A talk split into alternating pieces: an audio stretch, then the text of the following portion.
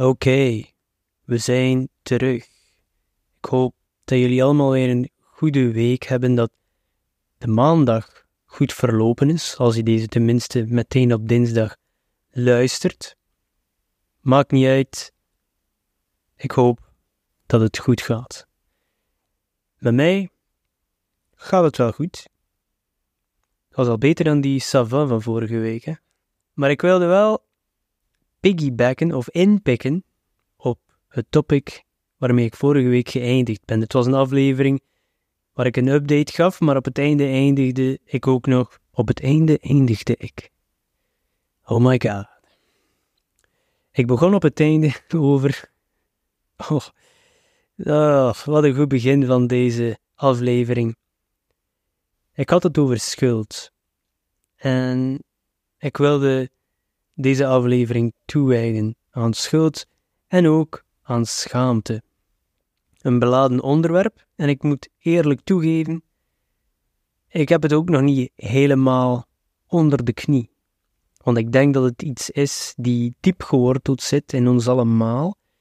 En van elk van ons heeft het een andere oorzaak en andere gevolgen in het leven. Dus ik kan alleen maar voor mezelf spreken. En ook nog over die mail van vorige week, die ik kreeg van de luisteraar van Mondspoort en die ook mijn YouTube-content af en toe consumeert. Daar stond ook in dat ik niet altijd een standpunt inneem, of misschien soms niet heel zeker voor een punt ga, of onzeker overkom. Laten we nog wat negatieve punten uh, erop pile. Kom aan, nog wat extra schaamte. Past goed bij deze topic. Nee. Maar het was een constructief feedback en die persoon had inderdaad gelijk. Omdat ik altijd probeer, wat zeggen we hier in het West-Vlaams, de kerk in het midden te houden. En misschien is dat niet altijd goed, omdat ik bang ben om bepaalde groepen te beledigen. Soms moet je gewoon een standpunt innemen en er gewoon voor gaan. En dat zal dan ook de beste content zijn, zoals die persoon zei. Maar dan kan het natuurlijk zijn dat je een deel mensen misschien op de tenen trapt. Maar soms moet dat ook eens.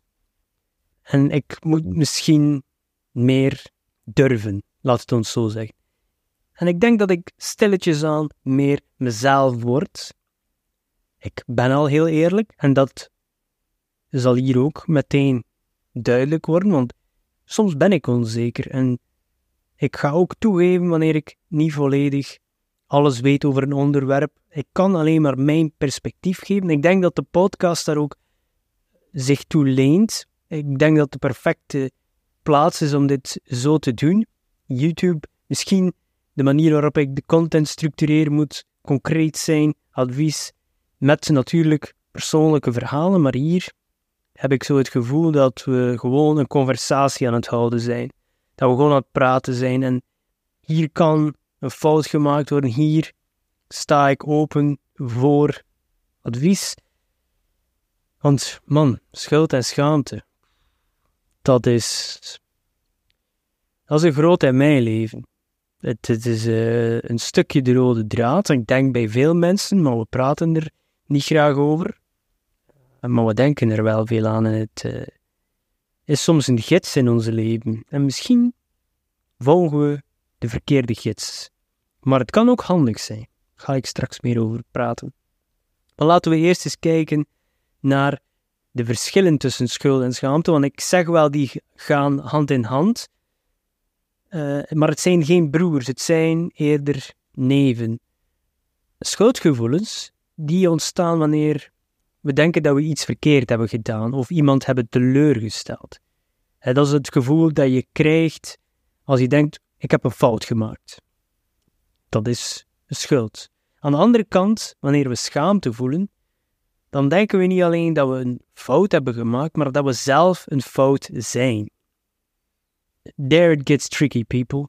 Dat is een subtiele verschuiving van ik heb een fout gemaakt naar ik ben een fout. Dat is volgens mij het verschil tussen schuld en schaamte.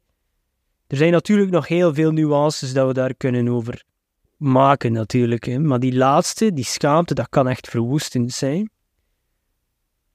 Ik kan me vele zware nachten herinneren wanneer ik wakker werd en heel het huis ligt al te slapen. Kijk ik rond me En ik zei, oh, weer een blackout.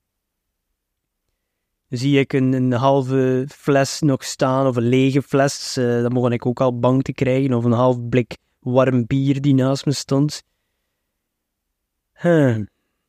En um, dan krijg je niet alleen het gevoel dat je een fout hebt gemaakt.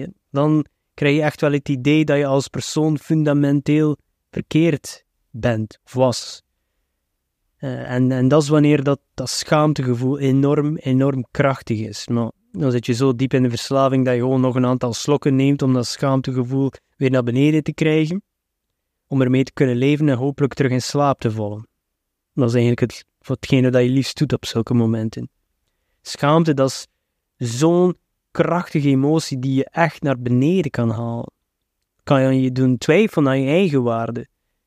En dan op zich weer de relaties beïnvloeden en dan weerhoudt het je nog een keer om hulp te gaan zoeken.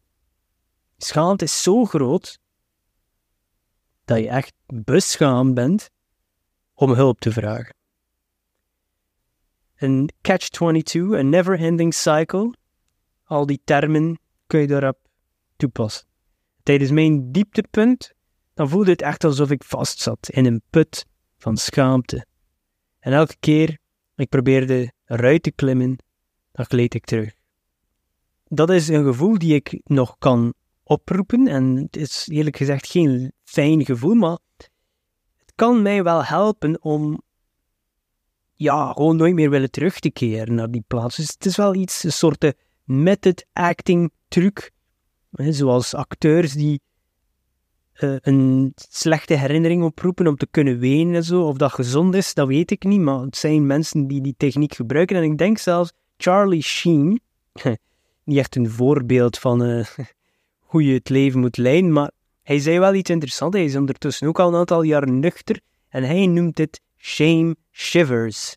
Zoals rillingen van schaamte, gewoon als hij denkt om nog maar terug te grijpen naar, naar de fles of naar drugs, dan gaat hij terug naar die plaats en zegt hij: Wow, jouw beeldje maar een keer in hoe je toen voelde, dat wil ik toch niet terug. Dus die shame shivers, schaamte rillingen, was ook wel iets die ik af en toe kan inzetten uh, als ik nog maar durf te denken van, hmm, drinken, ja, waarom eentje, dat zou toch geen kwaad kunnen? Nee, nee, nee, nee, nee, nee, nee dat is een fout maken, hè, dat je schuldgevoel kan hebben, maar dan terugvallen, dan ga je terug naar die schaamte. En dat is toch wel geen aanraden. Maar ik ben hier nu, nuchter en sterker dan ooit. Wat niet wil zeggen dat ik super sterk ben, maar veel sterker dan vroeger. Omdat ik geleerd heb, die schaamte en die schuld, dat die kunnen overwonnen worden. De eerste stap was het herkennen van die gevoelens. Hè. Dus gelijk waar jij of iemand die je kent in dit proces zet, met herkennen, daarmee begint het. Het begrijpen ervan. Ik heb daar heel veel tijd aan besteed. Vooral lezen over deze emoties, leren over deze emoties. En in de tijd ook spreken met professionals.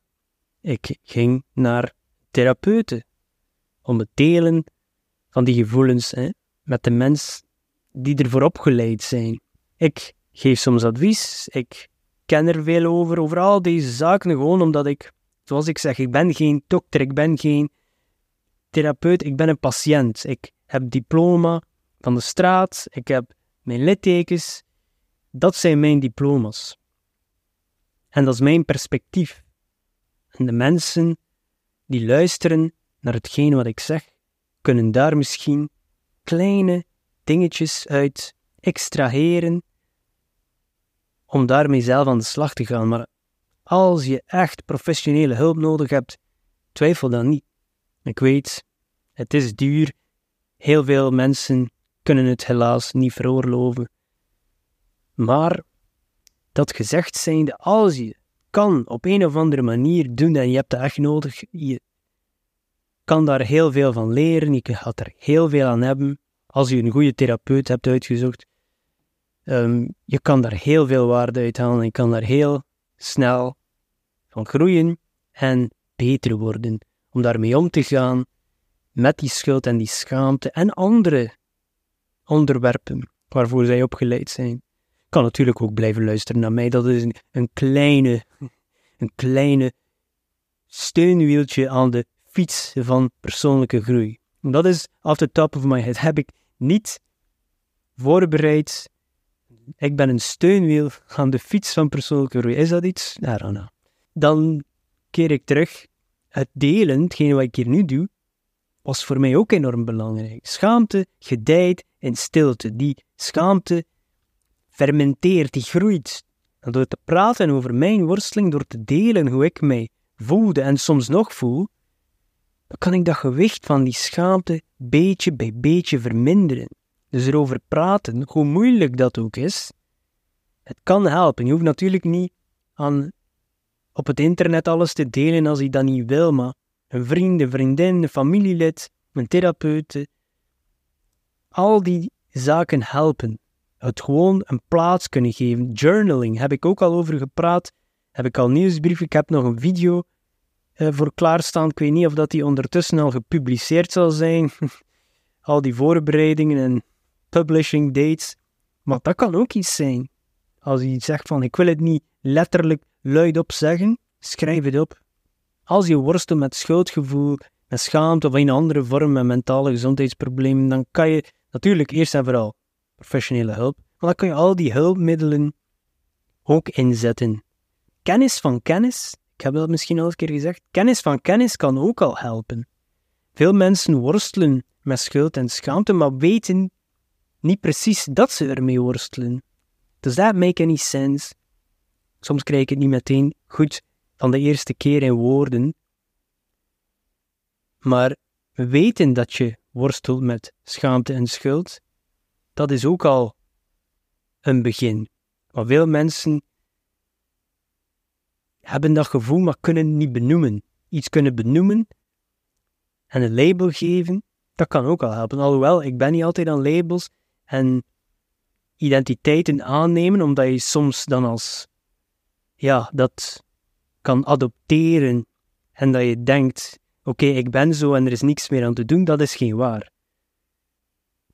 We mogen die identiteit niet adopteren. Er is een weg uit. En geloof me, ik dacht ook dat dat voor mij voor altijd zo zou zijn op dat moment als je er diep in zit. Natuurlijk met het voordeel van achterom kijken. Dan pas zie je van oké, oké, ja, ik zat zo diep en dat was om die reden en die reden. En dat speelde toen parten en dat was daardoor. Maar dat zijn allemaal zaken dat je pas kan ontdekken door elke dag aan je gezondheid te werken, mentaal als fysiek. Heb ik al gezegd, het is niet door één keer wandeling te gaan doen of gaan lopen dat je in topconditie komt. Het is ook niet door één keer naar de frituur te gaan dat je meteen overgewicht zal krijgen, alhoewel dat die schuld en schaamte daar weer komt bij te spelen. Het is consistentie, kleine gewoontes die stapelen op elkaar over een periode van tijd.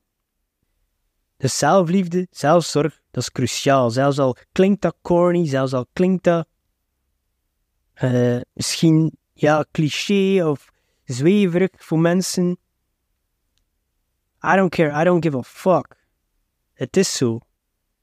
Omarm jezelf, omarm je fouten, herken dat je ze niet definiëren en vergeef jezelf. Ik heb mezelf vergeven voor die fouten die ik gemaakt heb.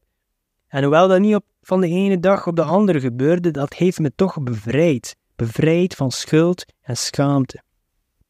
En dan moet je eigenlijk ook dieper ingaan. Eens dat je het herkend hebt, ga dieper in op die schaamte en schuld. Ga gaan kijken. Het is belangrijk dat je gaat kijken naar de wortels van deze emoties.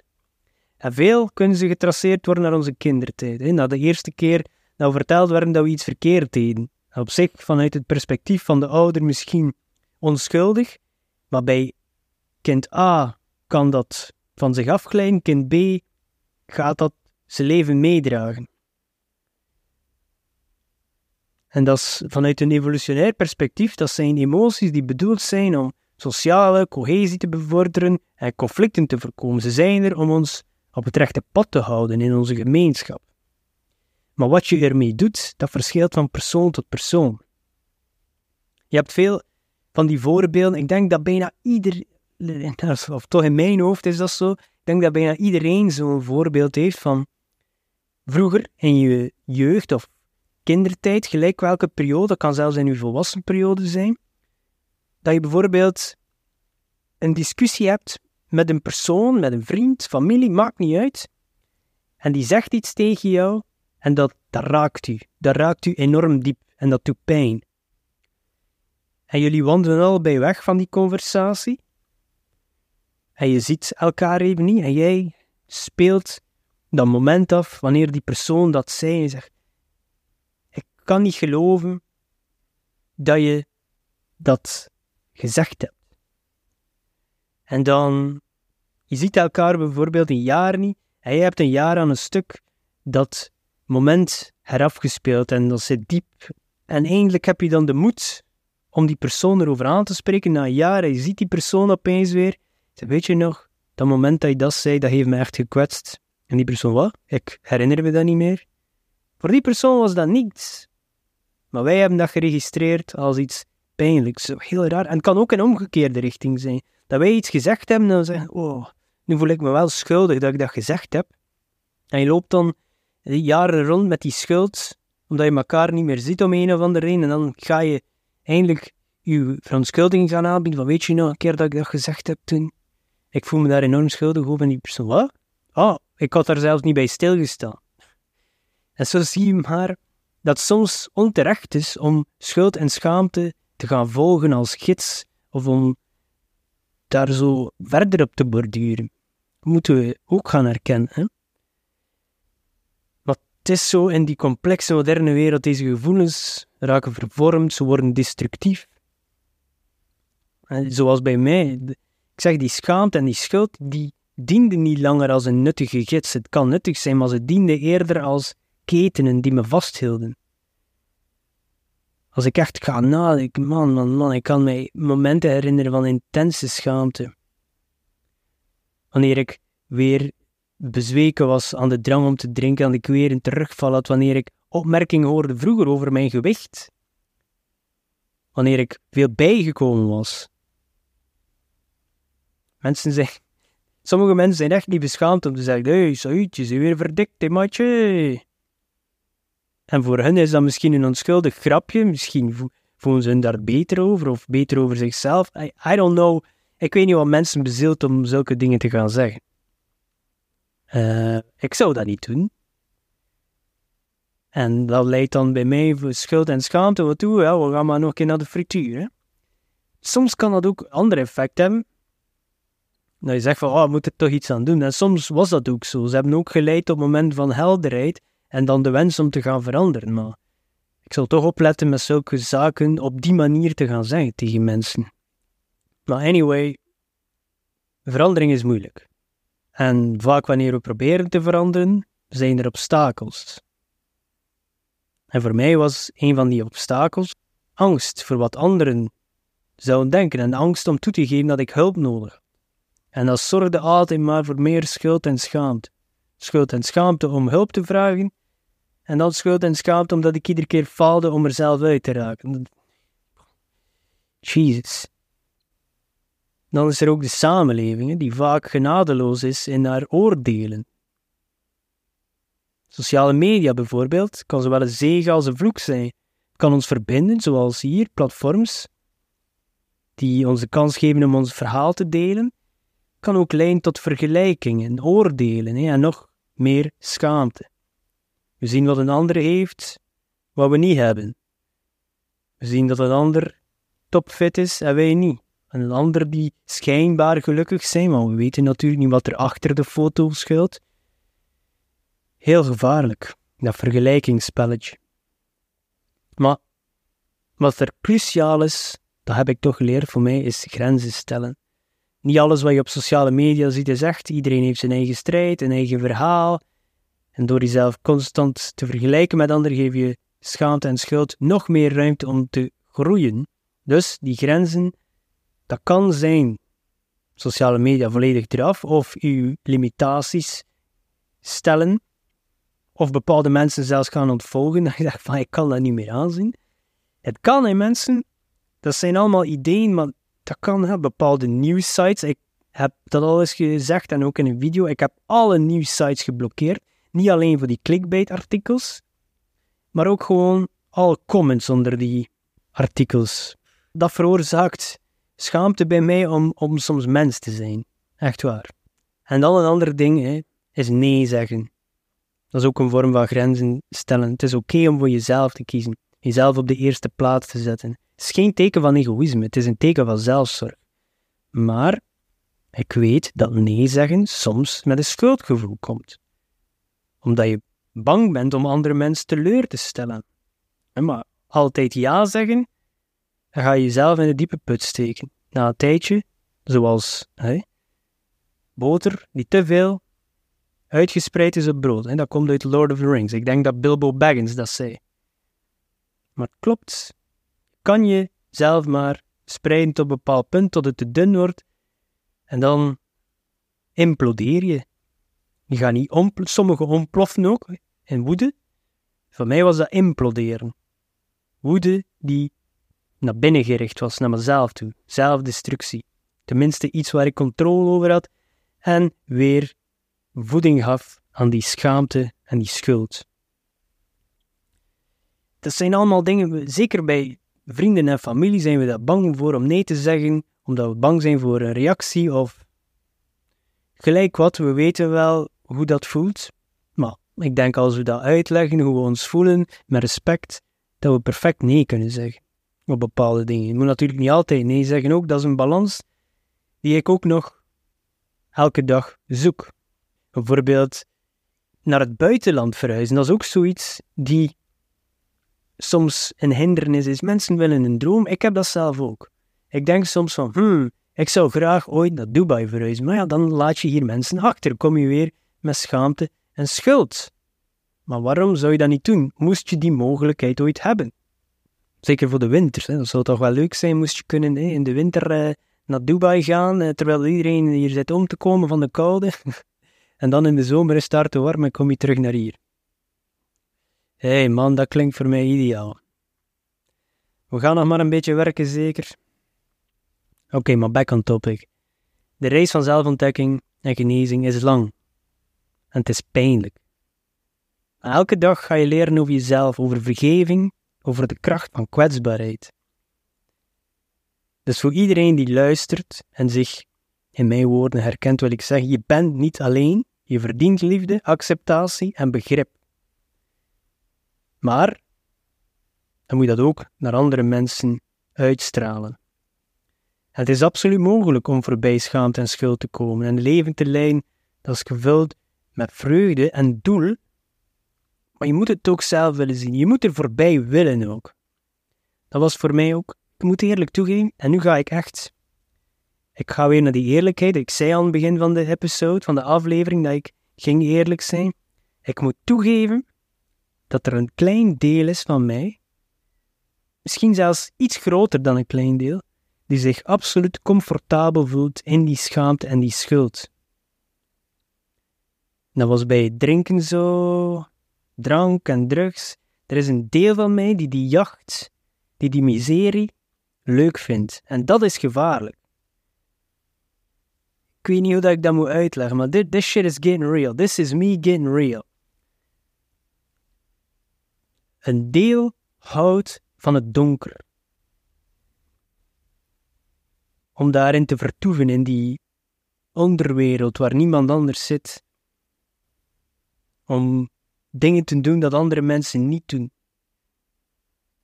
Wakker zijn wanneer een ander slaapt. Hè? Getting high, getting fucked up.